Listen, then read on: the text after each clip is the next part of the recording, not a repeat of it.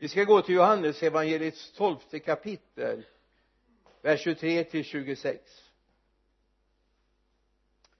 Jesus svarade stunden har kommit när människosonen ska förhärligas. Jag säger sanningen. Om inte vetekornet faller i jorden och dör blir det ett ensamt korn. Men om det dör bär det rik frukt den som älskar sitt liv ska förlora det. Men den som sätter sitt liv eh, men den som sätter sitt liv sist i den här i den här världen ska bevara det till evig tid. Om någon vill tjäna mig ska han följa mig. Och jag ska och där jag är ska också min tjänare vara om någon tjänar mig ska fadern ära honom. Om vetekornet faller i jorden eh, faller, inte faller i jorden och dör blir det ett ensam korn. Det är klart att det här handlar först och främst att Jesus talar om sig. Om inte jag dör så kommer jag bli ett ensam korn.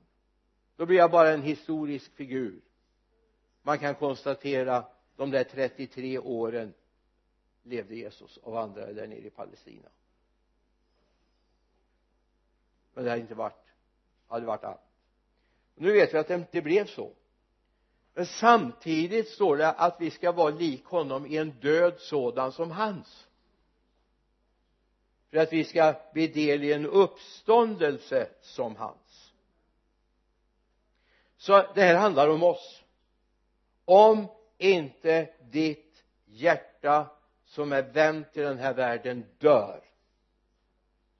Så blir det bara du, du och nu. Och sen blir det inget mer. Men om ditt hjärta som älskar den här världen dör då kommer du uppstå till evigt liv. Det är lite grann en paradox då. Men det är en sann paradox. Du måste dö jag har sagt det förut men det tål att påminnas om. Vi hade en gång i tiden gudstjänst vi kallade för gudstjänster för icke kyrkvana eller någonting sånt på söndagskvällarna. Och vi var nästan bara vi som var kyrkvana här i stort sett.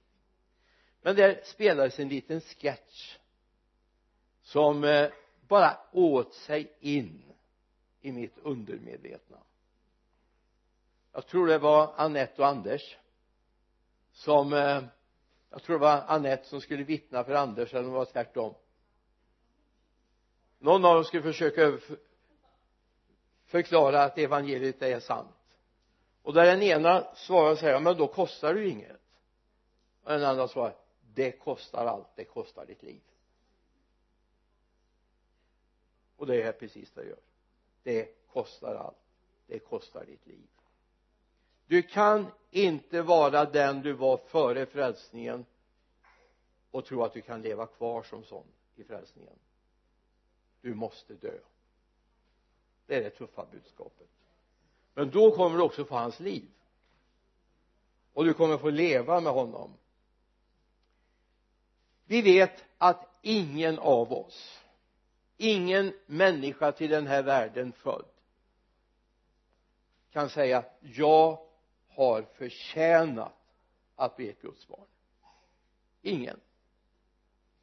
Du kan aldrig säga och slå dig för bröstet säga jag har varit så duktig jag har levt så perfekt så att jag blir en jag, jag har ju rätt att vara en kristen. Ingen av oss. Det finns bara en som har levt fullkomligt och det är Jesus. Det finns bara en. Utan för oss handlar det om nåd vi förtjänade det inte.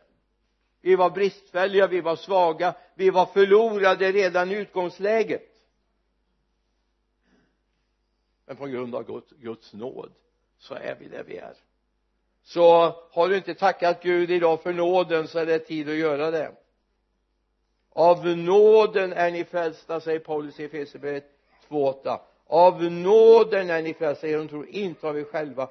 Guds gåva är det inte på grund av gärningar för att ingen ska berömma sig. För att ingen ska berömma sig. Av nåden är ni frälsta.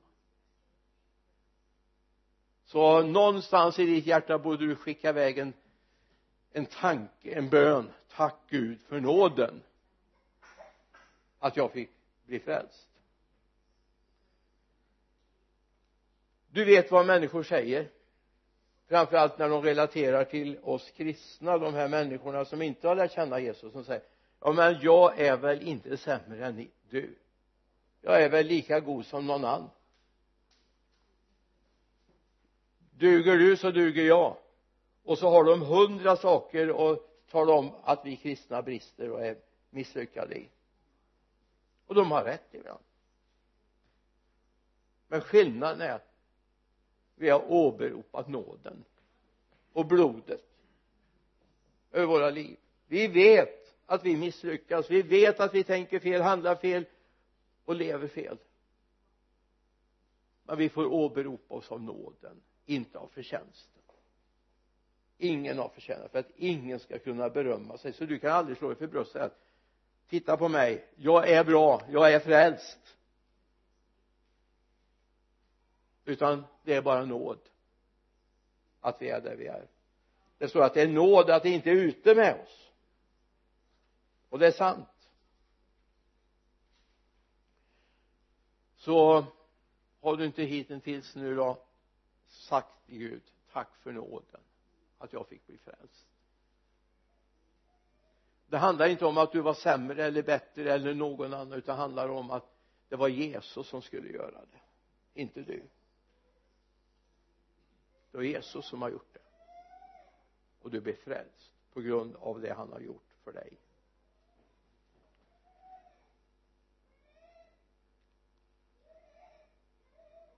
Om du än skulle be 50 gånger om dagen 10 gånger mer än våra muslimska vänner. Om du lägger allt du äger och har i kollekten vilket jag ju hoppas du har gjort idag och om du ber långa böner med mängder av ord och fina formuleringar så blir du naturligtvis frälst. Eller nej. Det är så sant det Paulus skriver i kapitel 13 i första Korinthierbrevet det vi brukar kalla för kärlekens lov. Det är bara att det oftast är väldigt missförstått det här. Det här är Guds barns Guds bruds längtan efter kärleken från faderns hjärta från hans son och sin brudgum. Det säger Paulus när han skriver om jag talar både människor och änglars språk men inte har kärlek är jag bara en ekande brons eller en skrällande symbol om jag har profetisk gåva och vet alla hemligheter, har all kunskap, om jag har all tro så jag kan flytta berg men inte har kärlek så är jag ingenting. Och om jag delar ut allt jag äger och om jag offrar min kropp till att brännas men inte har kärlek så vinner jag ingenting. Och då är det viktigt att komma ihåg att det ord som används är agape här. Den utgivande kärleken det är jag beredd att gå i döden till och med för någon annan. Den här gudomliga kärleken har jag inte den. Och den får jag bara hos honom i gemenskap. Det är ingenting jag kan producera det är ingenting jag kan klara av själv utan får jag bara i gemenskapen med honom. Har jag inte den så hjälper det inte hur generös du är. Hur uppoffrande du än är gör du det inte av kärlek så kommer det inte gagna någonting. Du måste ha dött. Du måste ha dött. Så du inte har någonting eget. Inte någonting som kan kittla dig av berömmelse. Ingenting som kan ära dig. Det måste ha dött. Jag säger inte att vi inte kan uppmuntra varandra till tro och heliga gärningar men om det bara är för att vi ska lajka varandra på Facebook eller Instagram eller vad det nu är. Utan det handlar om har det dött? Vad är det som kittlar mig egentligen? Det kristna livet det är en helt ny art av liv. En helt ny sort av liv i första Thessalonikerbrevet andra kapitlet vers 4 Gud har ansett oss värdiga att anförtros evangeliet. Och därför talar vi som vi gör. Inte för att behaga människor utan Gud som prövar våra hjärtan. Får jag ta med dig på en lite halsbrytande berättelse nu? Nu får du ha mycket inlevelseförmåga och fantasi. Nu ska vi in i fantasiens värld. För att ta den här bilden? Tänk dig att en fisk helt plötsligt skulle gå igenom en mutation en förvandling. Så fisken får vanliga lungor och vanliga andningsorgan och det här med gälar och det är borta. Så att den helt plötsligt vill leva på land. Kan du tänka den bilden? Alltså den, den är lite science fiction, jag vet det. Och jag drömmer inte ens om att det ska vara science fiction. Men tänk dig en fisk som helt plötsligt kommer ifrån vattnet och börjar trivas och leva på land. Det skulle kunna bli vilken spännande saga som helst. Skulle till och med stå i klass med H.C. Andersens sagor. Helt klart. Om den fisken lyssna om den fisken skulle trilla i plurret så dör den. Därför den har inte längre förmåga att leva i vatten. Framförallt inte under vattenytan. Kanske till och med förlorat förmågan att simma kanske har fått ben. Den kanske går rakt upp. Kan, kan du se det här framför dig?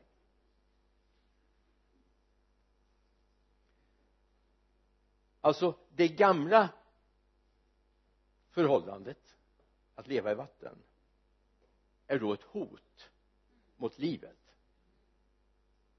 Det gamla sättet att leva ger en begränsning och till och med en konsekvens av död. Är du med? Har du tagit in bilden? Den förvandlingen har varje kristen som är pånyttfödd gjort. Det är en ny sorts liv som vi har fått i frälsningen. Så till och med vårt gamla liv är ett hot att vi ska dö. Är du med? En så stor revolution har skett när det gått från död till liv. Från mörker till ljus, från hopplöshet till hopp. Den som är i Kristus Jesus är en ny skapelse säger Paulus i andra Korinthierbrevet 5 och det gamla är förbi. Det gamla sättet att leva det gamla sättet att tänka det är borta. Och något nytt har kommit. Så är det. Att vara Guds barn. Det jag trivdes förut, det jag klarade av att leva förut det klarar jag inte längre. Och gör jag det så har inte miraklet skett i ditt liv har du längtan efter att hoppa i plurret igen? Då har inte det hänt någonting i ditt liv. Och då behöver du till Jesus och korset på nytt igen. Därför att det han har skapat för oss är en ny art av liv. Det är en ny sorts liv. Det är en ny funktion du har fått i den här nya funktionen har du fått tro. Du ser trons möjligheter. Det är det livet som Abraham gick igenom. Vi kommer till Abraham i slutet av predikan. Som höll Gud för trofast att det han har lovat skulle han göra. Om vi kommer in i den arten av liv så behöver vi inte en massa försäkringar om att det till äventyrs inte händer jag har blivit omprogrammerad i min hjärna. Det är ju livsfarligt att säga att man blir omprogrammerad. Du blir till och med hjärntvättad. Jag vet inte om du hörde den lilla storyn den är sann. En kille på en gata i Stockholm där man gick runt och evangeliserade. Och eh, en kille som var väldigt illa ute och en som kom och berättade om Jesus för honom och eh, då kommer en kompis till den här killen som var illa ute och sa tro inte på honom, tro inte på honom. Han vill bara hjärntvätta dig. Då var hans svar tack när kan jag få bli hjärntvättad? För det är så mycket elände i min hjärna så jag behöver bli tvättad. Så det är inte så farligt med Guds hjärntvätt. Den är aldrig farlig. Mänsklig hjärntvätt är alltid farlig vi har korsfäst vårt gamla liv. Det är dött. Och det liv som är dött längtar inte efter det som man hade förut. Precis om du hänger med nu. Fisken längtar inte efter vatten nu har han upptäckt det mänskliga sättet att leva på. I romarbrevets sjätte kapitel verserna 6 och 7 vi vet att vår gamla människa har blivit korsfäst med Kristus för att syndens kropp ska berövas sin makt så att vi inte längre är slavar under synden. Den som är död är förklarad fri från synden. Någon sa amen igen för det här, det här är alltså det här är sprängstoff. Det här behöver förkunnas i de demoniska världarna. Det behöver det här lyftas in. Vi vet att vår gamla människa blir korsfäst med Kristus för att syndens kropp ska berövas sin makt så att vi inte längre är slavar under synden. Den som är död är förklarad fri från synden. Din gam, ditt gamla liv dina gamla behov dina gamla prioriteringar det är korsfäst. Och nu har du fått Guds värderingar Guds prioriteringar Guds kärlek. Men det här har fått kosta det gamla livet. En ny art av liv. Det är som att jämföra ett barn med en sten. Visst en sten kan vara väldigt tyst och stillsam i barnkammaren. Men det händer inte mycket med en sten. Du kan inte mata en sten. En sten behöver du inte byta blöjor på. En sten växer aldrig upp. Kommer aldrig gå i skolan. Men ett barn det kan man ha bekymmer med. Det kan vara jobbigt. Man kan få vaknätter och får man då ett kruppbarn så blir det lite stört i sömnen. Men ett barn växer upp. Ett barn går att fostra och forma. Ett barn kan ta hand om sina föräldrar när de blir gamla. Men en sten händer ingenting. Så du har gått ifrån att vara sten till att vara ett barn. Eller vi har gått från att vara en sten till ett bröd. Ja nu säger ju Jesus att han till och med kan kalla fram bröd ur stenarna. Men nu talar vi om en sten kan du inte bita i. Det ger dig ingen näring. Möjligtvis om det finns lite eh, järn och så vidare i sten så kanske vi kan naga på den och få lite nytta men tänderna far illa. Men ett bröd kan du mätta dig med? Du har fått ett bröd. Du har fått ett bröd. Det är inte en sten. Vår gamla natur var en sten. Vår nya natur var ett bröd. Vår gamla natur var en sten. Vår nya natur var ett barn. Därför står det i romarbrevets sjätte kapitel. Jag älskar romarbrevet det är väl ingen hemlighet. Det vet ni om sjätte kapitlet är ett underbart kapitel. Vi ska gå till vers 4 vi är begravna med honom genom dopet till döden för att leva det nya livet. Liksom Kristus är uppväckt med, det, med uppväckt från de döda genom faderns kärlighet. Vi är begravna med honom genom dopet till döden för att leva det nya livet. Tror jag och gjorde lite grann så att jag tittade på det grekiska uttrycket vad är det som står här egentligen? Vad är, vad är det som står? Det nya livet. Ja det finns en mängd förklaringar till uttrycket som används här men framför allt handlar det om det första livet. Det handlar om det ursprungliga livet. Vilket säger mig att så länge jag levde i döden så levde jag inte det ursprungliga livet. Så länge du inte är frälst så lever du inte det ursprungliga livet där du är skapad för. Men när du har begravt din gamla människa efter att den är död du behöver inte hålla någon dödsklagan över det du kan bara vara jublande tacksam.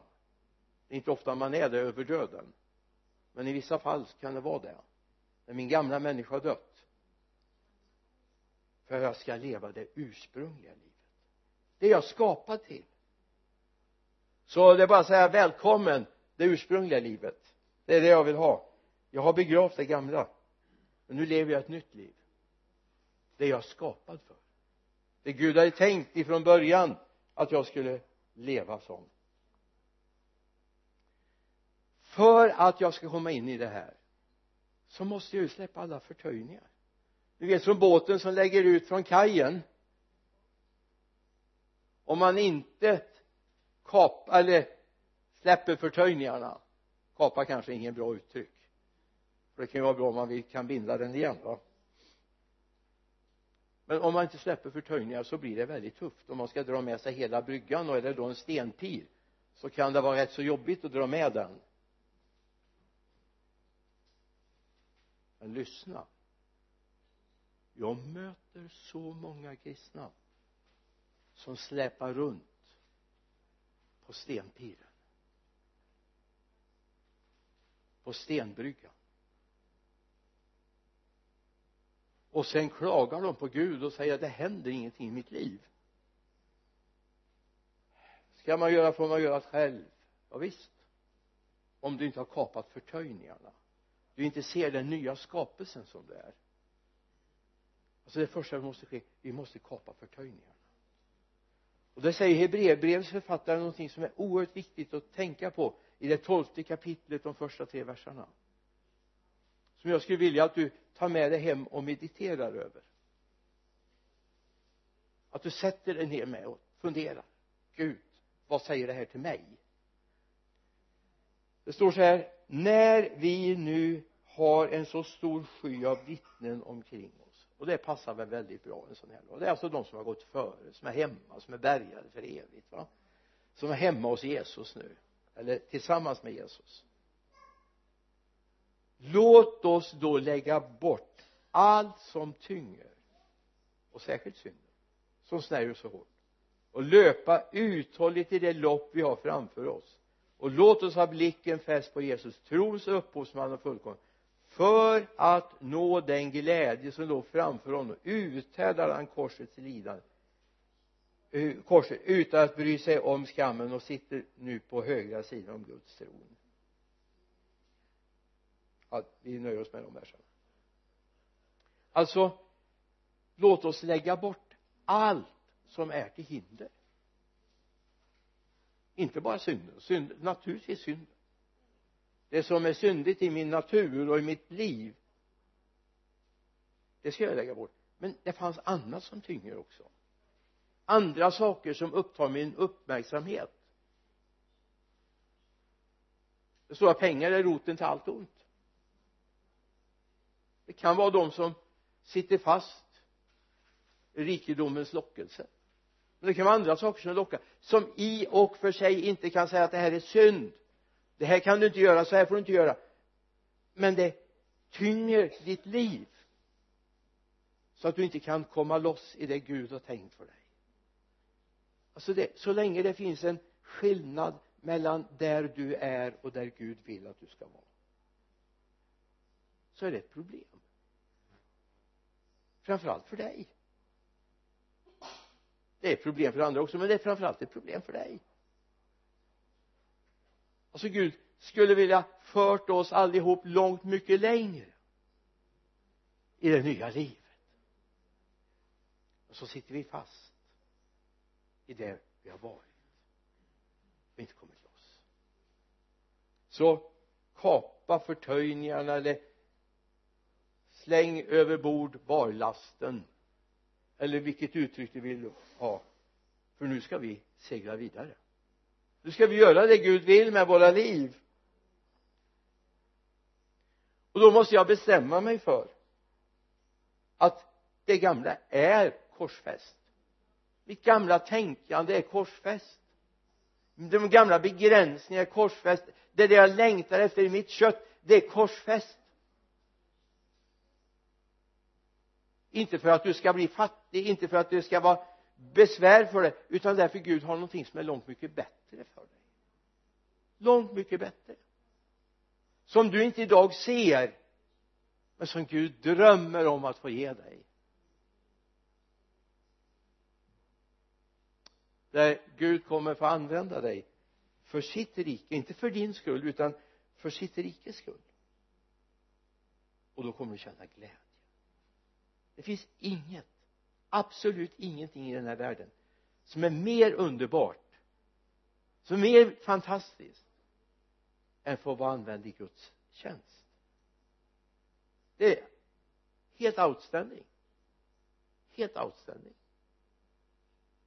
Och nu vet jag precis lyssna djävulen bara viskar i ditt öra. Ja men jag är för gammal. Tänk om det hade varit för 20 år sedan. Eller fem år sedan då Gud, då hade jag satsat järnet. Men nu det är aldrig för sent. Mose var 80 har vi så många över 80 här? Sen höll han på till 120 men då måste du släppa dina tankar hur du ska försörja dig hur du ska ha det, hur du ska bli populär. Du måste släppa det taget och låta Jesus göra det istället för ut dig på en rymlig plats.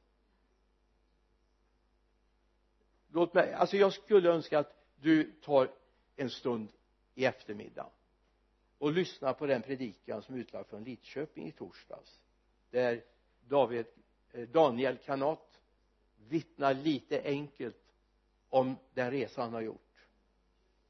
Från en gangster i Lidköping. Från en som andades hot och mordlust han var fullständigt nerkörd. Hade inte hans ofrälsta kompisar hållit i honom så höll han på att slå ihjäl en gammal kvinna i Lidköping bort på Skaragatan. Han var helt köpt av detta. Han skulle mörda han sa är det några som känner mig i den här stan så är det polismyndigheten. För gång på gång fick de gripa in. Och idag har Gud förvandlat hans liv. Idag älskar han att förkunna evangeliet. Han åker till de mest svårnådda områdena i Asien där det är pris på de kristnas huvuden. Han var nere i Burma nu alldeles innan han kom till eh, Lidköping. Och är på väg ner nu i början på eh, december igen. Och de håller på att grundar församlingar. Och han har tillsatt tre pastorer. Och jag sa vem betalar det? Ja det måste vi göra här från Sverige. Hur stor är församlingen? Vi är 20 personer. Som underhåller tre pastorer och ett antal församlingar i en provins där det inte finns några kristna förut. Han är i Afrika, han är i Indien och då åker han till de mest svårnådda områdena. Han som var en gangster han har bytt sida. Det gamla är förbi. Jag säger inte att du har varit gangster någonsin. Jag tror inte någon av er har varit det. Men det kanske ändå kan bli ett skifte. Lägg av det som är ett hinder. Och kom vidare.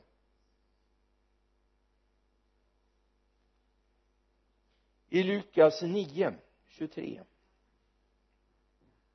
så säger 23 till 26 sedan sa han till alla om någon vill följa mig ska han förneka sig själv och varje dag ta sitt kors och följa mig den som vill rädda sitt liv ska mista det men den som mister sitt liv för min skull han ska rädda det. För vad hjälper det en människa om hon vinner hela världen men mister sig själv eller går förlorad? Den som skäms för mig och mina ord honom ska människosonen skämmas för när han kommer i sin och faderns och de heliga änglarnas härlighet. Vad hjälper det? Vad hjälper det? Det finns bara en sak som räknas. Det är att vi har gett våra liv till honom. Tagit på oss korset. Det finns ett kors att bära. Det kostar någonting att vara kristen. Men det är det du ska ta ställning till. Det finns någonting som du ska ta ställning till. Är det värt det? Är Jesus värd det? Är Jesus värd att du lite grann vågar se annorlunda på saker. Jag blir beklämd. Ibland är Facebook det är väldigt bra. När man vill pålysa möten och tala om att det ska hända saker så är Facebook väldigt bra. Jag har lite runt 600 tror jag följ, eller vänner på Facebook nu. Många frälsta men rätt många icke frälsta och det är för deras skull jag har det för att tala om att nu har vi möte idag på förmiddagen till exempel. Och så eh, att vi har möte i, i Lidköping i eftermiddag. Och så rapporterar vi lite grann vad som har hänt. Men ibland är också det ett bekymmer. Alltså jag, jag har svårt nu ska jag vara riktigt bottennära jag har väldigt svårt att få det här att gå ihop. Ena dagen läser man att man varit på en underbar lovsångs konferens eller konsert eller vad det varit. Och hur Gud har mött dem och hur underbart det var och vad anden gjorde. Och nästa dag eller nästa helg så läser jag om att då satt de på en konsert med världens stjärnor. Jag får inte det här att gå ihop. Och jag tror inte himlen får det heller. Himlen har inget emot att de jublar och gläds på en lovsångs konferens? Absolut inte. Men jag undrar vad himlen tänker. När man samtidigt är på 80-talsstjärnors konserter och tycker det är fantastiskt.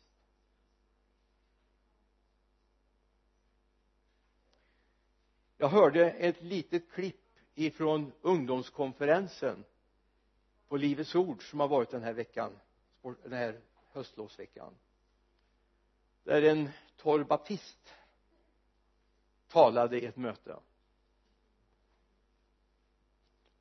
Hon sa någonting som tog tag i mig. Hon sa så här ena dagen var jag i ett andligt starkt möte. Jag kände hur det vibrerade det var så håret reste sig på mig. Jag, jag kände att jag bara rös men så nästa dag eller en veckan efter så skulle hennes son eller dotter på någon fest i samband med halloween och hon var helt förtvivlad. Så då visste hon vilken musik de skulle spela så hon gick ut och sökte på youtube efter den musiken och hörde vad det var. Och sen samma rysning. Wow. Vad är det jag reagerar på? Är det känslorna? Eller är det anden? Hon sa det kan ju inte vara samma ande. Det är en omöjlighet. Det kan inte vara samma ande. Så vi lurar oss på känslorna. Vi måste ha en andebedömning i det vi gör. Den här världen hör mörkret till. Det hör djävulen och satan till. Medan Gud är helig och ren och det handlar inte om mina känslor det handlar om att ha andebedömning. Hon en ledare inom kristenheten gör den reflektionen bara för någon vecka sedan här nu. Jag måste söka Gud och måste söka så jag får andebedömning. Så jag kan bedöma utifrån ett andligt sätt. Så att vi inte fastnar i våra känslor. Våra gamla känslor förlåt uttryck måste dö. För att Guds andes känslor ska komma fram. Det är en total renovering som behövs. Det är en total renovering. Så vi inte får samma känslor när vi hör världens musik som när vi hör lovsång och Guds ande och färdiga utan det måste få gå djupare in i våra liv.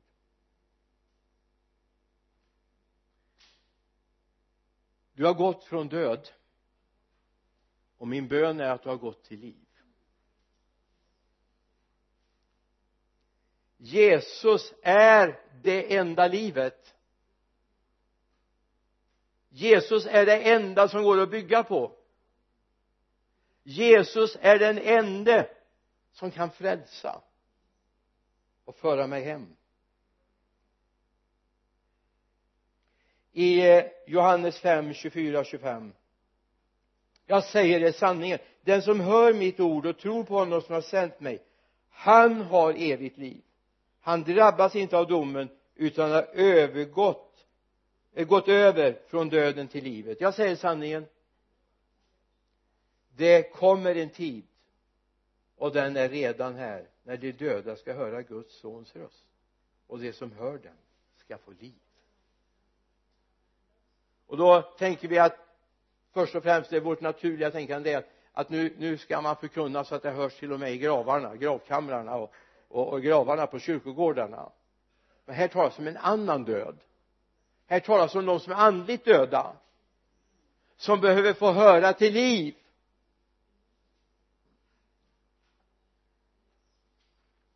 Och det är gott att veta att vi har fått ett inre vittnesbörd.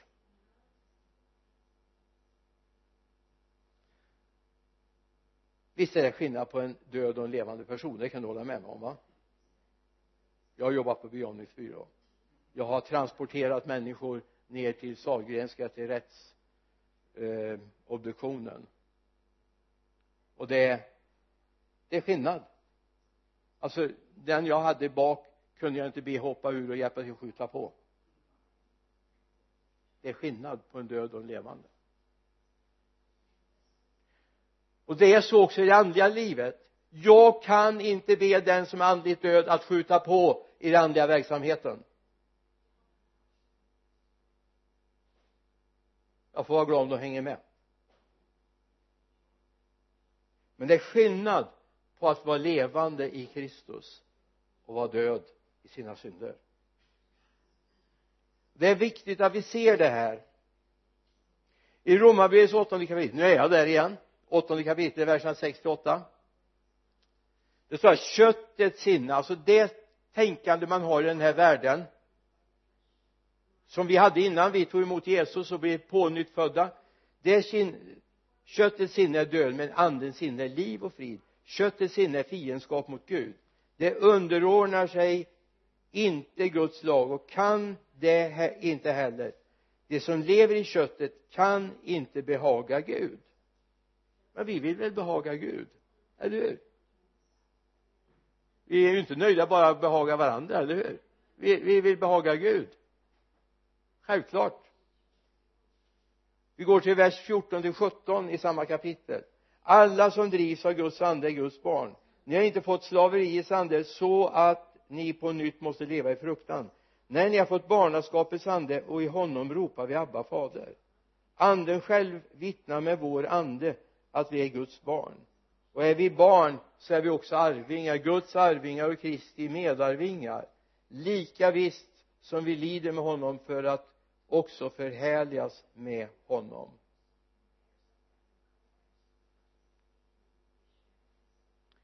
Alltså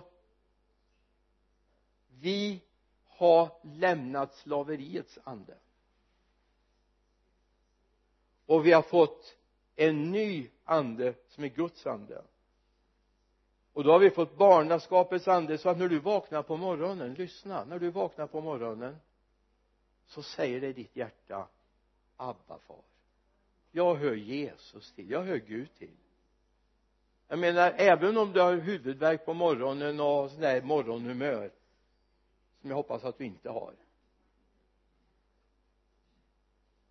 Utan att du är ja på G. Även tidigt på morgonen. Gud hjälpe. Så kan vi säga Abba far. Är det inget annat jag vet när jag vaknar på morgonen? För ibland är en del av oss vi är mer döda än levande när vi vaknar va? Och vet knappt var vi har sovit någonstans. Titta jaha det var i min säng här. Jaha.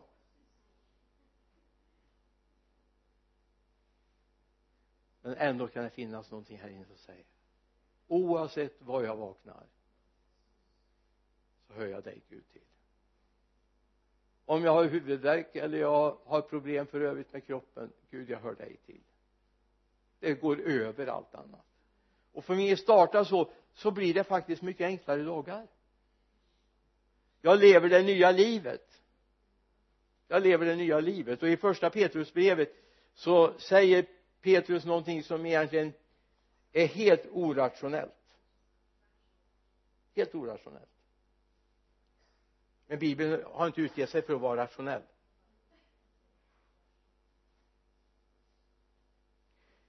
I första kapitlet första Petrusbrevet verserna 8 och 9 honom älskar ni utan att ha sett honom. Och fast ni ännu inte ser honom tror ni på honom och jublar i obeskrivlig himmelsk glädje. När vi nu är på väg att nå målet för er tro era själars frälsning. Wow.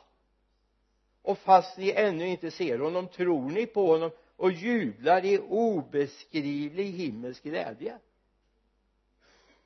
halleluja. Jag behöver inte ha massa bevis. Jag vet han bor här inne.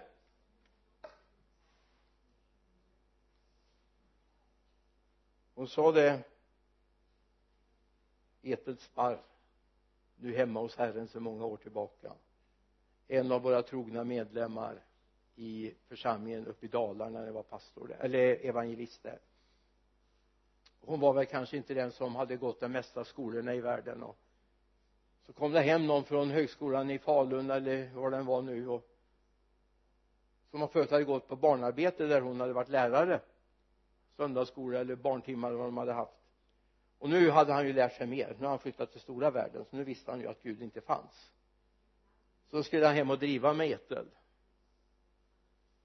och sa det ja sa han nu har vi läst sa han och jag har förstått att Gud inte finns. Det finns så många bevis på att inte Gud finns. Och hon bara log.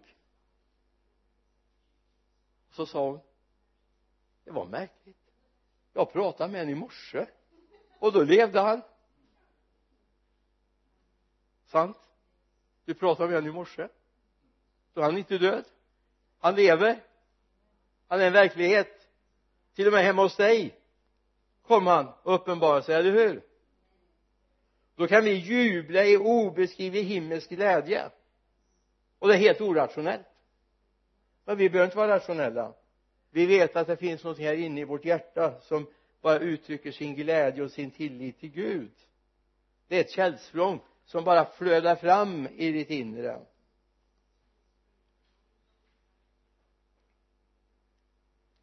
I första Johannes, nej Jakobs första kapitel. Jakobs första kapitel vers 17 så säger Jakob någonting som jag tycker är helt underbart. Och som du ska ta med dig resten av dagen, resten av veckan. Det står allt det goda vi får och varje fullkomlig gåva är från ovan. Det kommer ner från ljusens fader som inte förändras eller växlar mellan ljus och mörker.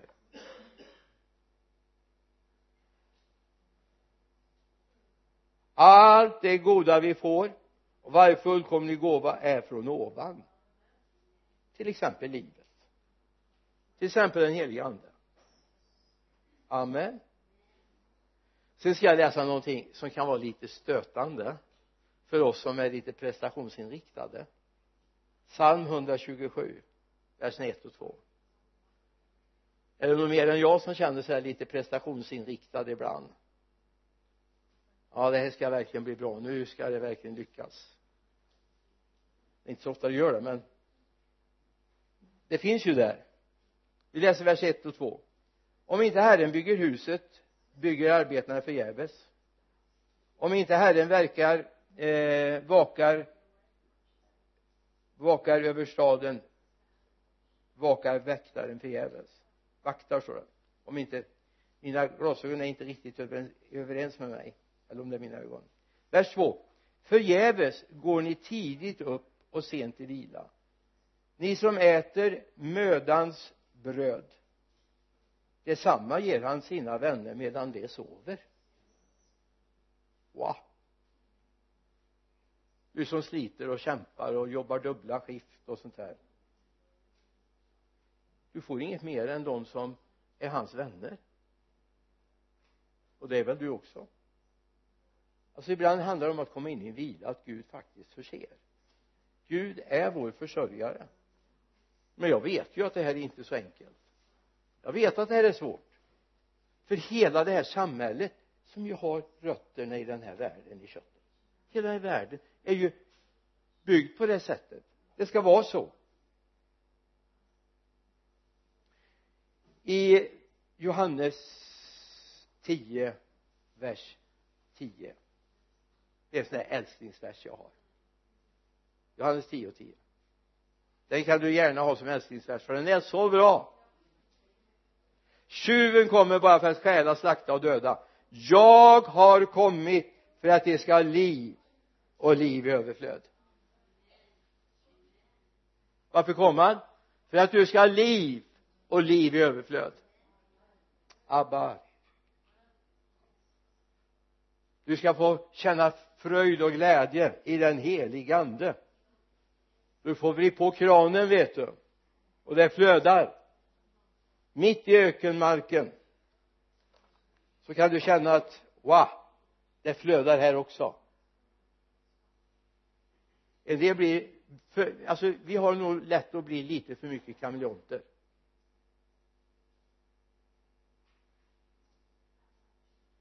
Jag vet här i en av de första gudstjänsterna jag hade i den här kyrkan så um, hade vi bön här inne de som skulle medverka var sångare och mötesledare och vi hade det gamla stuket då. Och, och den som skulle läsa inledningsord och vad det var vi, vi samlades där inne och bad. Det var innan jag hade tillträtt som pastor här. Så kommer en kvinna inrusande härifrån och säger oh det är hemskt där ute. Det är bara en massa religiösa andar där ute.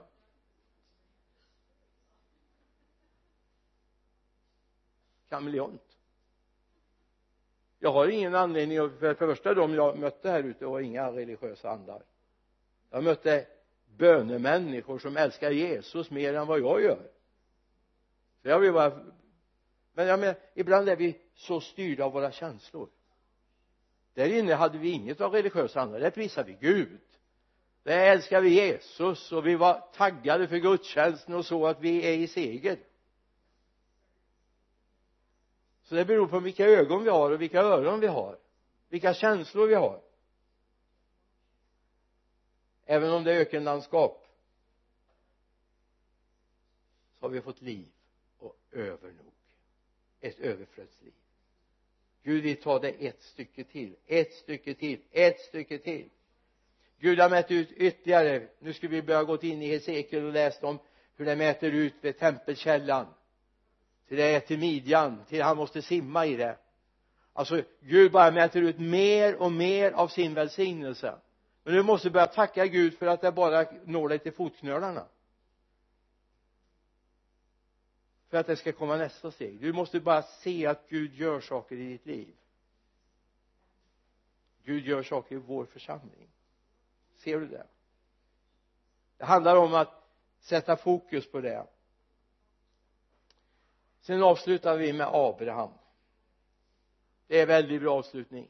Romarbrevets fjärde kapitel. Du vet Abraham.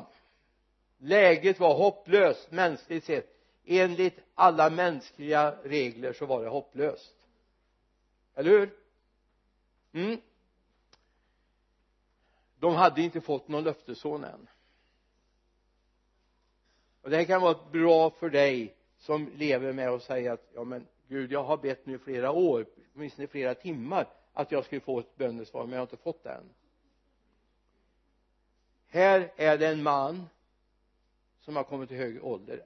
Och jag med hög ålder även på den tiden var hundra år va? Han hade en fru som hade ett namn som betydde moder till många och han hette fader till många. Abraham och Sara det finns någonting som skiljer Abraham och många gånger oss åt. Det har vi här i verserna 21 till 22 Romarbrevet 4, eh, Romarbrevet 4 verserna 21 till 22 det står om Abraham var fullt övertygad om att vad Gud hade lovat var han också mäktig att hålla. Därför räknas det honom till rättfärdighet. Och då vill jag avsluta med att säga var har du det som du känner att Gud har lovat dig? Och som du inte har fått? Tänk om du skulle komma in lite grann i Abrahams ande. Abraham gjorde ett misstag, jättemisstag. Sara var med och hjälpte till. Därför har vi den här konflikten i Mellanöstern än idag. Ismails söner som ska bli ett stort och mäktigt folk. Tjänstekvinnan Hagar fick föda den men det var inte Guds plan. Passa dig för att gå vid sidan av Guds plan. Du kan få en Hagar på halsen och ett Ismailfolk som inte är Guds folk. Nu är det så att Gud har varit så underbar. Gud är så underbar så det finns löften också över Ismails eh, avkomma det finns också. Men sen finns det saker som Gud säger också att de ska vara bångstyriga och så vidare. Men om vi försöker ta saker i egen hand och inte väntar på Guds tid så blir det ofta fel. Hur många har inte hoppat i det sättet i galen tumna? Det gäller sällskapsfrågor, det gäller arbete, det gäller boplats etc, etc, etc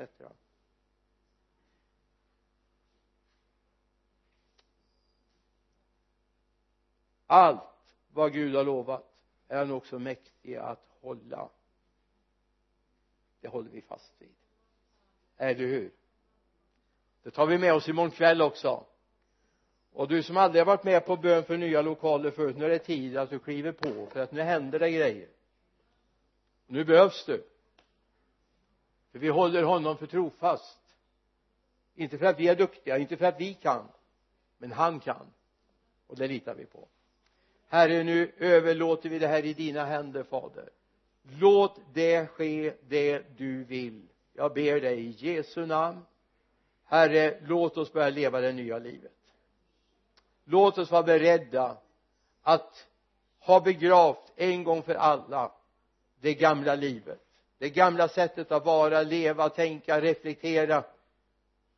Och så tar vi tag i det nya som flödar av himlens sötma som flödar av himlens välsignelse som flödar av himlens välbehag. Vi prisar dig för det. I Jesu namn. Amen.